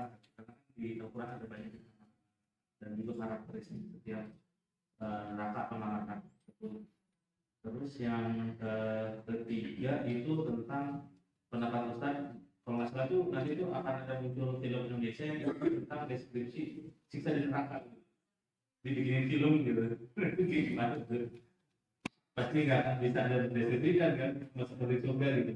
Siksaannya juga pasti nggak akan bisa. Terus yang keempat mungkin penjelasan tentang sebelum sebelum neraka eksekusi itu akan ada khutbah dulu iblis. Nah itu kayak gimana? Itu kayaknya. Yep. Jadi eh, mengenai detail berapa komposisi penduduk neraka dibandingkan penduduk surga, maka tidak begitu banyak dalil yang mengenai tersebut. Yang dijelaskan pada dalil-dalil umum adalah bahwa penduduk neraka kebanyakannya adalah perempuan. Akan tetapi berapa komposisinya apakah nanti yang banyak adalah penduduk neraka dibandingkan surga 50-50 kah? Maka saya belum pernah menemukan dalil tersebut. Betul bahwa Ya'juj dan Ma'juj adalah salah satu uh, neraka dan jumlah mereka sangatlah banyak. Jumlah Ya'juj dan Ma'juj mereka adalah kaum yang amat bengis dan amat banyak dikarenakan mereka ketika mereka dipenjarakan oleh Zulkarnain, mereka beranak pinak. Sama beranak pinak seperti kita. Tapi tempatnya tidak tahu di mana kan? Bayangkan. Mereka ditancapkan seperti penjara, penjara tersebut dibakar dengan api yang panas. Saya sampai sekarang masih jadi misteri itu di mana letaknya itu. Karena pas itu mereka manusia. Dan mereka terus membolongkan, membolongkan demi hari demi hari mereka bolongkan. Sampai pada suatu ketika di hari kiamat mereka bilang apa? Insya Allah. Ketika mereka bilang insya Allah baru terbuka. Karena ada insya Allah tersebut. Kemudian mengenai nama-nama di neraka, nama neraka ada banyak. Ada ladha, ladha itu artinya yang menyala-nyala. Ada sakar, uh, sakar itu neraka bagi orang-orang yang tidak salat. Ya, kata Allah gimana? Bertanya kepada penduduk neraka, "Ma salakakum fi sakar?" Apa yang menyebabkan kamu masuk ke dalam sakar? Maka kata Allah, kata mereka, "Qalu lam nakum minal musallin." Dahulu kami enggak salat. Wa lam nakun nut'imul miskin. Dan kami dahulu tidak memberi makan orang miskin. Wa kunna nakhudhu ma'al khaidin. Dan kami dahulu mengejek-ngejek, mengolok-ngolok, mengejek-ngejek para mujahidin mengejek-ngejek orang Islam, mengejek-ngejek syariat, mengejek-ngejek orang yang menjalankan syariat, berpenampilan sesuai dengan syariat, mengejek-ngejek. Jenggot dibilang kambing, cingkrang dibilang kebanjiran, orang yang hijaban di bidang di bidang seperti apa? Uh, orang yang orang yang tidak berperadaban dan seterusnya. Mereka mengejek wa kunna ma'al khaidin. Mereka masuk ke dalam neraka Sakar. Kemudian di antara nama lainnya adalah neraka Jahannam. Paling sering disebut adalah Jahannam. Sebetulnya semua neraka ini jenisnya sama, sama. Hanya saja penamaannya berbeda. Sehingga ujung-ujungnya Jahannam-Jahannam juga. Hanya saja namanya yang dibedakan oleh Allah karena sifat neraka tersebut yang yang berbeda. Hanya saja tempatnya sama, ya. Meskipun juga tingkatannya berbeda-beda. Tapi makanya uh, sama nama nerakanya sama. Makanya nerakanya Abu Talib tidak disebutkan secara khusus apa nerakanya. Tapi yang jelas itu juga sama sama jahanam. Sama-sama jahanam. Tapi uh, itu adalah neraka yang paling ringan. Bagaimana neraka yang paling ringan? Dikasih dua batu bata yang amat panas di kedua kakinya. Ya gelimin huma dimaghuhu. dan otaknya mendidih dikarenakan dua dua batu panas tersebut. Itu yang paling ringan. Inna ahwana adabin Binar yaumal qiyamah. Yang paling ringan seperti itu. Abu Talib. Ya. Kemudian neraka sa'ir. Sa'ir. Sa'ir ini kalau secara arti adalah uh, nerakanya orang-orang apa neraka neraka yang menyala. Sa'ara itu yang dinyalakan. Seperti uh, di ini dia di, di, dipakai korek dinyalakin gitu Sa'ir. Itu bagi orang-orang yang zalim. Bagi orang-orang yang zalim, bagi orang-orang yang berbuat keburukan. Kemudian jahim. Di antara nama neraka juga adalah neraka jahim. Kemudian neraka hawiyah. Hawiyah. Ada neraka hawiyah. Uh, narun hamiyah, narun hawiyah juga termasuk hamiyah, hawiyah termasuk. Dan mereka di dalam neraka tersebut kulitnya diganti jadi mengapa makanya ini luar biasanya agama kita ya. Ini ada keterkaitan dengan sains. Penjelasan mengenai bahwa anggota tubuh yang merasakan kesakitan adalah kulit itu dijelaskan setelah itu apa diketahui bahwa Quran telah membicarakan itu 14 abad yang lalu. Kullama nadiyat juluduhum baddalnahum juludan ghairaha liyadhuqul adab. Jadi dahulu orang itu nggak tahu kalau bagian yang menyebabkan rasa sakit itu adalah bagian kulit. Sehingga ketika saraf kulit mati maka nggak ngerasain rasa sakitnya ya kan? Nah nanti di hari kiamat orang-orang neraka itu kullama nadiyat julur ketika semakin dipanggangkan maka kulitnya diganti. Makanya kulit orang penduduk neraka itu tebal-tebal. Dan semakin tebal maka semakin pedih karena semakin banyaknya saraf bayangkan seperti itu keadaannya badal nahum juludan angus diganti lagi angus tambahin lagi angus tambahin lagi semakin ditambah semakin rasain sakit makanya yang bikin sakit itu adalah kulit bukan Daging. Daging itu ketika ditusuk nggak ngerasain sakit. Tapi kalau kulit ngerasain sakit karena sarafnya berada di kulit. Itu penelitian yang luar biasa mengenai Quran. Sama seperti di langit itu apa? Di langit itu semakin kita ke langit maka semakin sulit untuk bernafas kan. Ya kan? E, makanya Allah menyebutkan sifat-sifat orang-orang kafir seperti mereka nama ya saat sama seperti mereka mereka itu dari sempit seperti mereka menan apa eh, nanjak ke langit. Bayangkan. Dulu belum pernah diteliti langit itu tidak ada udaranya. Di atas atmosfer tidak ada udaranya, belum pernah diteliti. Setelah ini turun berarti kita baru tahu oh ternyata Quran telah berbicara 14 abad yang lalu. Wah, semakin itu ada buku The Miracle of Quran, salah satunya itu. Kemudian mengenai film tadi, uh, bagaimana pendapat kami mengenai hal tersebut? Karena kalaupun diadakan film demikian, maka harus dikasih spoiler dikasih disclaimer bahwa ini tidak akan pernah bisa menyerupakan. Manusia sejago-jagonya manusia seperti itu dibuat, tetapi harus dibuat disclaimer bahwa tidak bisa menyerupakan hakikat daripada neraka aslinya. Karena surga dan neraka tidak bisa terbayangkan dan tidak bisa terdeskripsikan oleh bayangan dan imajinasi dari manusia. Seandainya pengu dibuat film dan tidak melanggar syariat, tidak ada musiknya, kemudian tidak ada uh, pembuka auratnya, dibuat sedemikian rupa, maka tetap saja harus tetap dibuat disclaimer tersebut. Itu mungkin pendapat kami. Allah alam. Ada lagi teman-teman?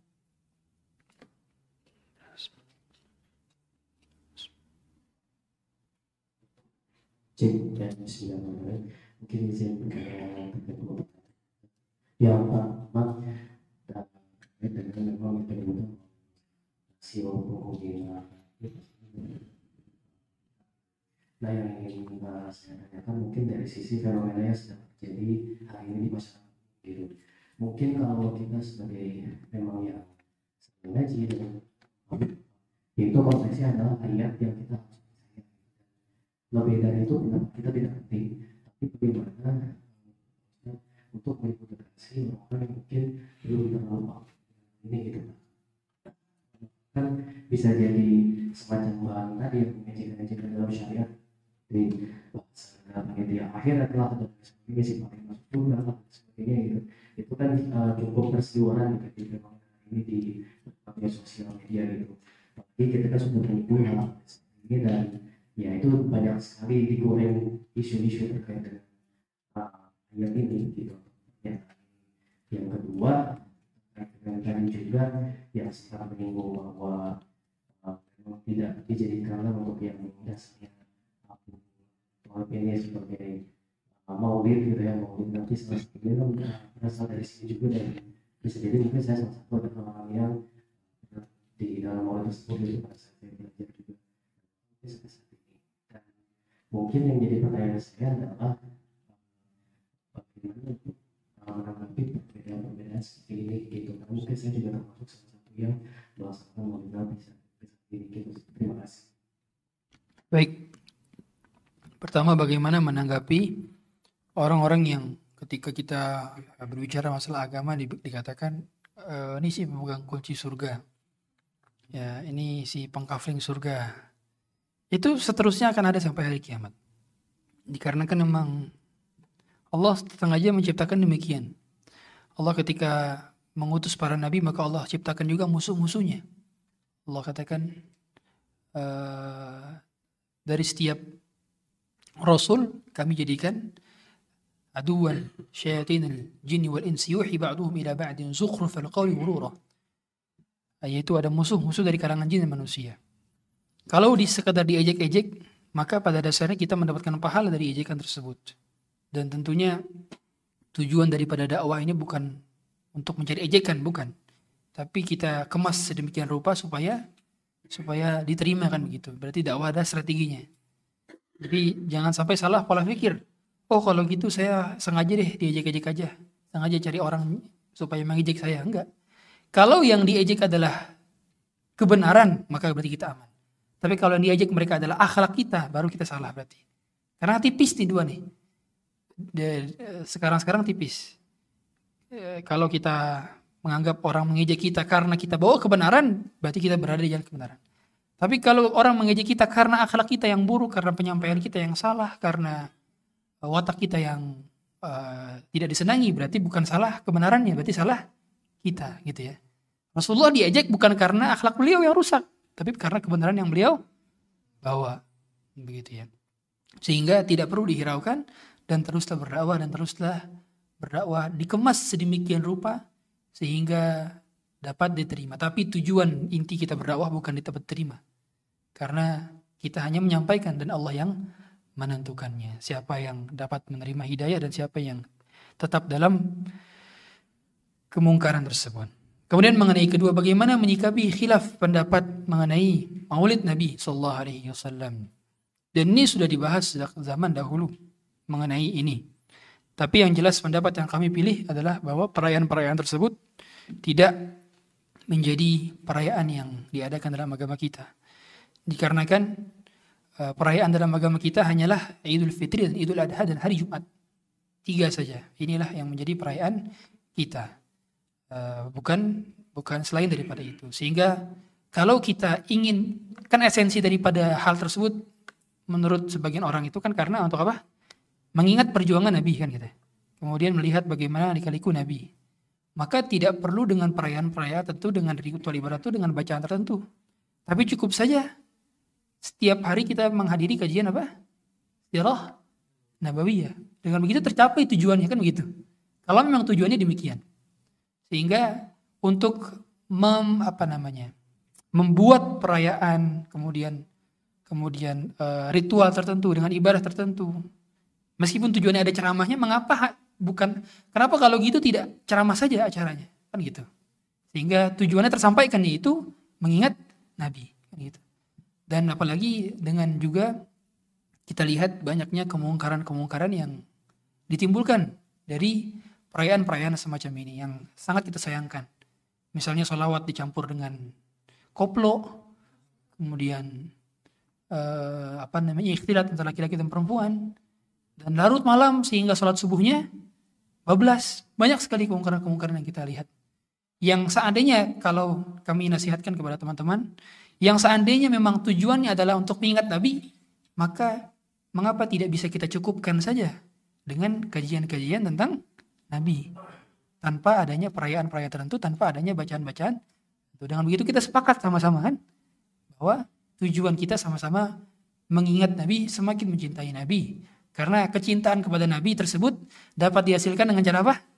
Dengan mengilmui tentang Nabi. Ya. Dan itu ternyata bisa dilakukan tanpa perayaan-perayaan dan ritual-ritual tertentu. Allah alam. Semoga Allah berikan kita hidayah semuanya. Ada lagi hadirin sekalian?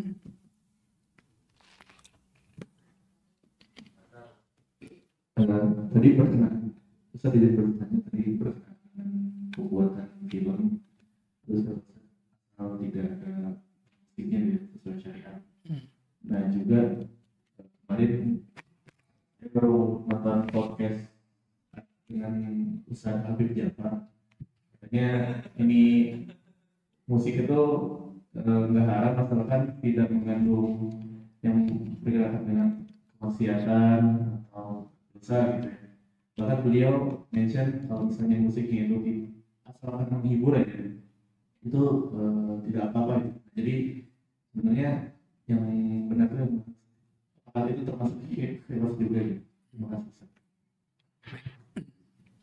Pertama, ini yang seandainya dikatakan khilaf, maka pendapat yang mayoritas ulama, kalau kita dikatakan oke itu khilaf misalnya, pendapat para ulama dari empat madhab, madhab syafi'i, madhab hanafi, madhab hambali, madhab maliki, mereka berpendapat bahwa alat musik seruling gitar selain daripada yang dipukul ya. Kalau yang dipukul itu diperbolehkan dalam keadaan hari Id sebagaimana dilakukan oleh para sahabat ketika itu.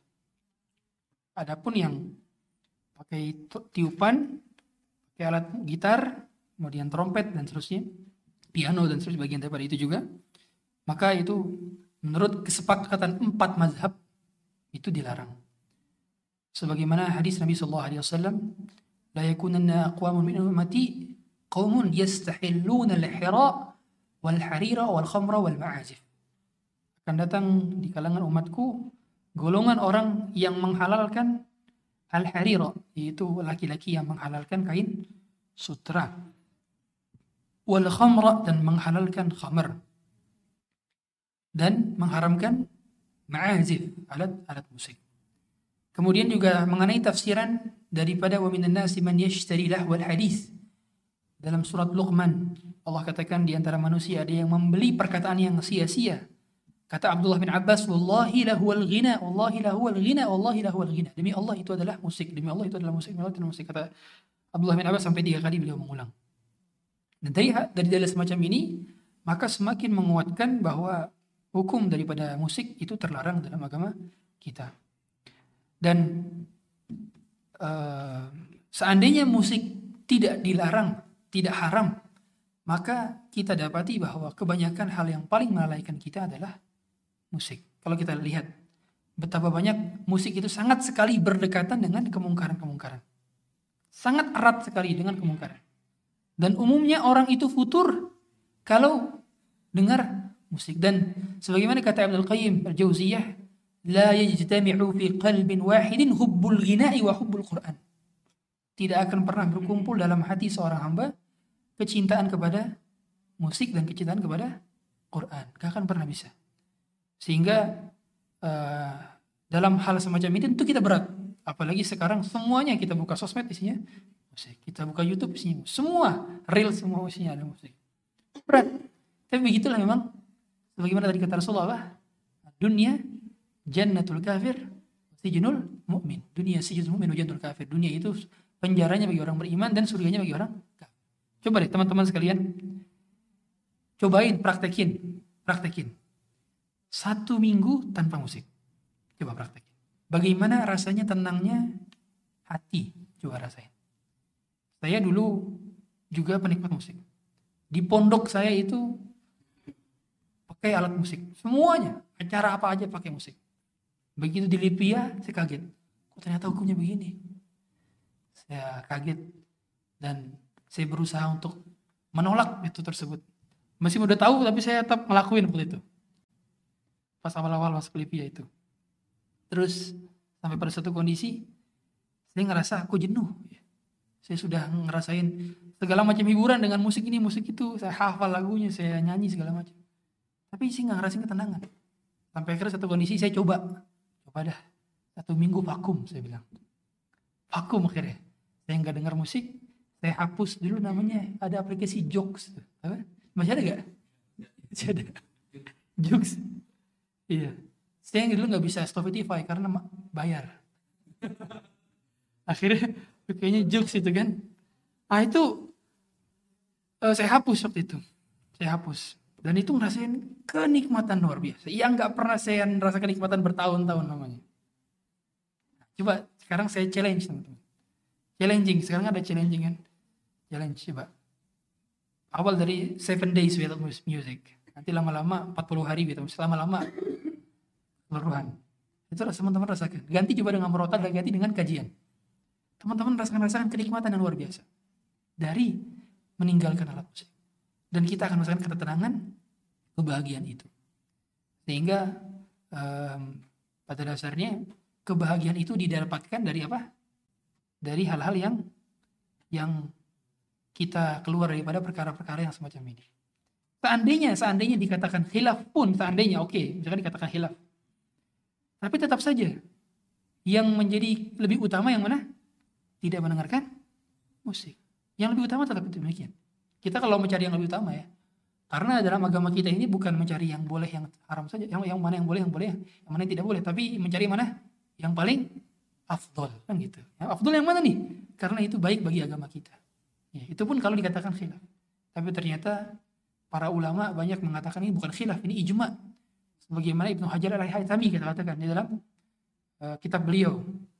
Kata beliau ini adalah kesepakatan para ulama karena mereka dapati di dalam kitab-kitab mereka hampir semua antara mereka mengharamkan alat musik. Begitu pula pendiri Nahdlatul Ulama.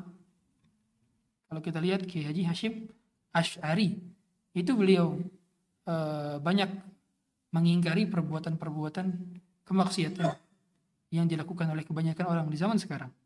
Dan di antaranya adalah eh, beliau juga tidak setuju dengan eh, penghalalan musik. Dia setuju berarti kepada pengharaman musik. Demikian, semoga Allah mudahkan kita dalam menerima apa pun yang terbaik untuk agama kita. A'lam. Berarti termasuk musik Islami kayak opi. Termasuk. Sehingga kalau antum cari yang di Maherzen, cari yang vocal only. Cari yang vocal only. Biasanya untuk kondangan ya. Kalau antum mau nikah lagi atau belum nikah, maka cari yang backsoundnya itu tulis Maherzen vocal, vocal only. Atau kalau nggak dapat suara itu, cuma suara tulis bird sound. Nanti ada suara burung. Suara jangkrik. Nanti orang tidur. iya. Ya, akapela itu suara mulut kan ya? Ya, kalau suara mulut itu tidak ada masalah. Selama dia tidak menyerupai suara alat musik. Makanya ada suara apa namanya yang hamhasyat apa tuh yang eh, yang banyak di itu ya. Banyak kan kita namanya Muhammad Al-Muqid kalau nggak salah. Ya Bu Umar. Apa nih? Al-Muqid ya. Nah, itu salah satu yang dia pakai suara bibir. Nah, itu Atau Micari Rashid itu termasuk. Lalu nacit-nacitnya juga tanpa musik. Nah, kalaupun mau dialihkan, alihkan ke yang seperti itu tuh mubah. Itu mubah. Tentu tapi yang lebih utama adalah mendengarkan Quran, mendengarkan kajian. Demikian.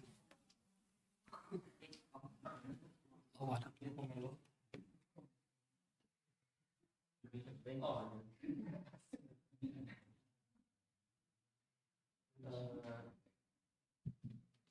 Eh, Ustaz jadi bertanya seputar musik. Jadi kan eh, kalau misalnya musik itu kadang-kadang jadi metode bela- belajar gitu, Eh, belajar bicara ataupun belajar mengenal nama-nama hewan atau apa gitu. Itu mus- musik dijadikan metode gimana Ustaz? Ya, Allah alam. Ini tidak darurat dan kita ketahui semua bahwa yang haram itu baru boleh ketika darurat. Kalau belum darurat maka belum diperbolehkan. Sebagaimana kaidah dalam fikih apa? Ad-daruratu tubihul mahzurat. Yang haram menjadi boleh karena darurat. Sekarang lihat, apakah metode pembelajaran dengan alat musik tersebut dijadikan sebagai suatu hal yang darurat atau kita masih bisa belajar tanpa alat musik? Ternyata kita masih bisa belajar tanpa alat musik. Dan masih banyak alternatif lainnya. Bahkan eh, menurut beberapa jurnal diteliti bahwa ternyata eh, apa peningkatan tingkat kefokusan itu bukan dengan cara mendengarkan musik, tapi dengan cara mendengar suara alam. Itu ada, ada penelitian itu. Sedang buka jurnal-jurnal. Ada. Berarti apa? Kalau antum mau lihat YouTube tulis bird sound. Tulis lagi uh, waterfall sound. Nanti dengar tuh suara percikan air. Itu tenang. Serius. Tenang itu insya Allah. Iya, suara ombak. Insya Allah tenang. Nantinya. Atau suara jangkrik. Nah. Nah. Ya. Itu sebagai alternatif. Yang jelas, yang jelas uh, yang lebih utama adalah dengan tidak menggunakan alat musik. Demikian.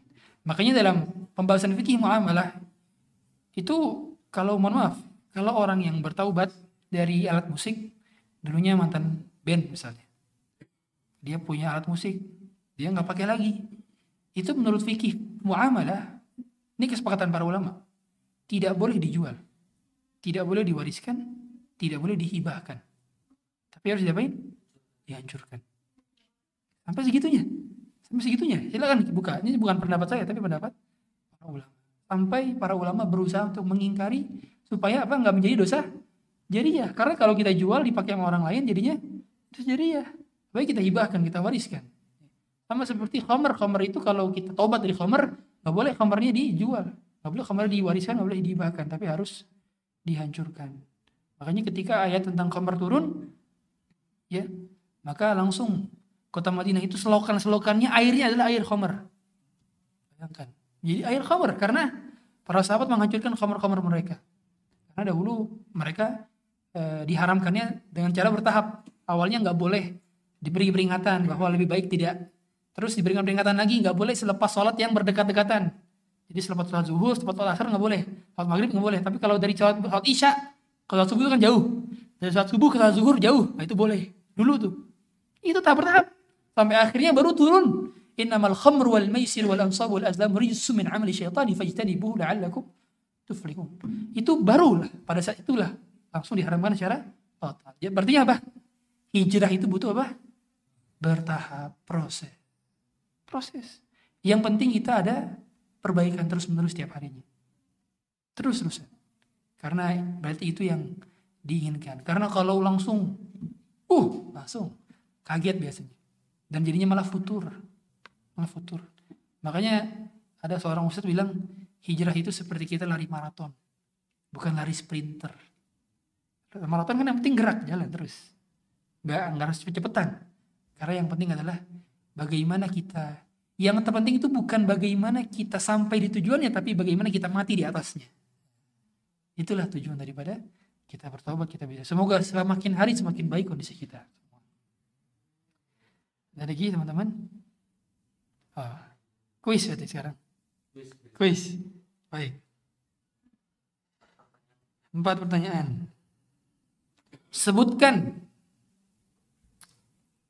Sebutkan. Empat nama neraka. Empat aja. Oke, perempuan tuh. Iya.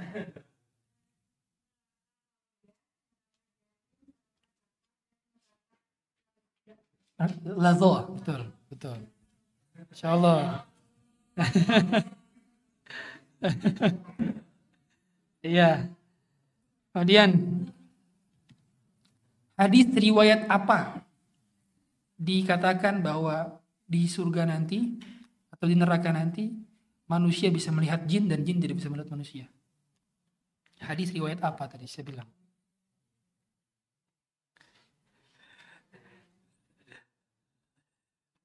Riwayat apa?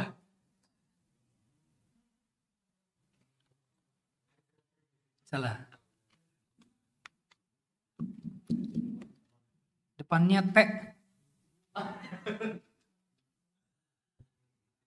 Salah. Betul, tak berani. tak berani. Nanti tak berani. Kemudian pertanyaan berikutnya. Um,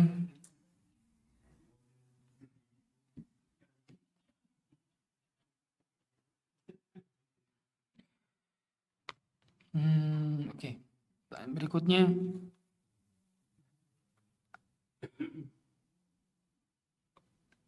apa ayat eh, kalau sebutkannya susah ya. Ayat berkenaan dengan bahwa di neraka itu dingin-dingin sekali. Ya. Eh, kalau tidak salah itu di Quran surat An-Naba yang la yajma'una fiha barda wala saraba ila hanima wa. Mumtaz, masya Allah. Betul. Masya Allah, bagus. Ini kalau ada rapot nerangi satu nih. Iya, la yadhuquna fiha barda wala syaraba illa hamima wa ghassa. Jadi pa- dingin yang dingin banget itu adalah ghassaqanya itu. Ghassaqa. Ya. Kemudian eh, di antara karakter karakter neraka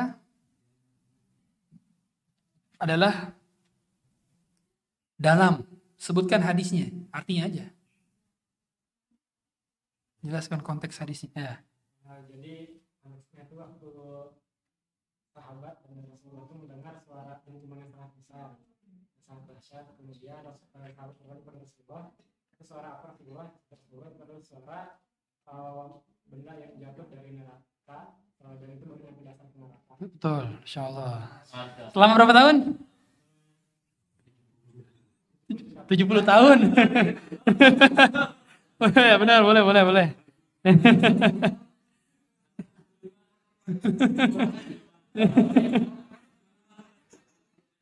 Tujuh puluh tahun, selamat tujuh puluh tahun.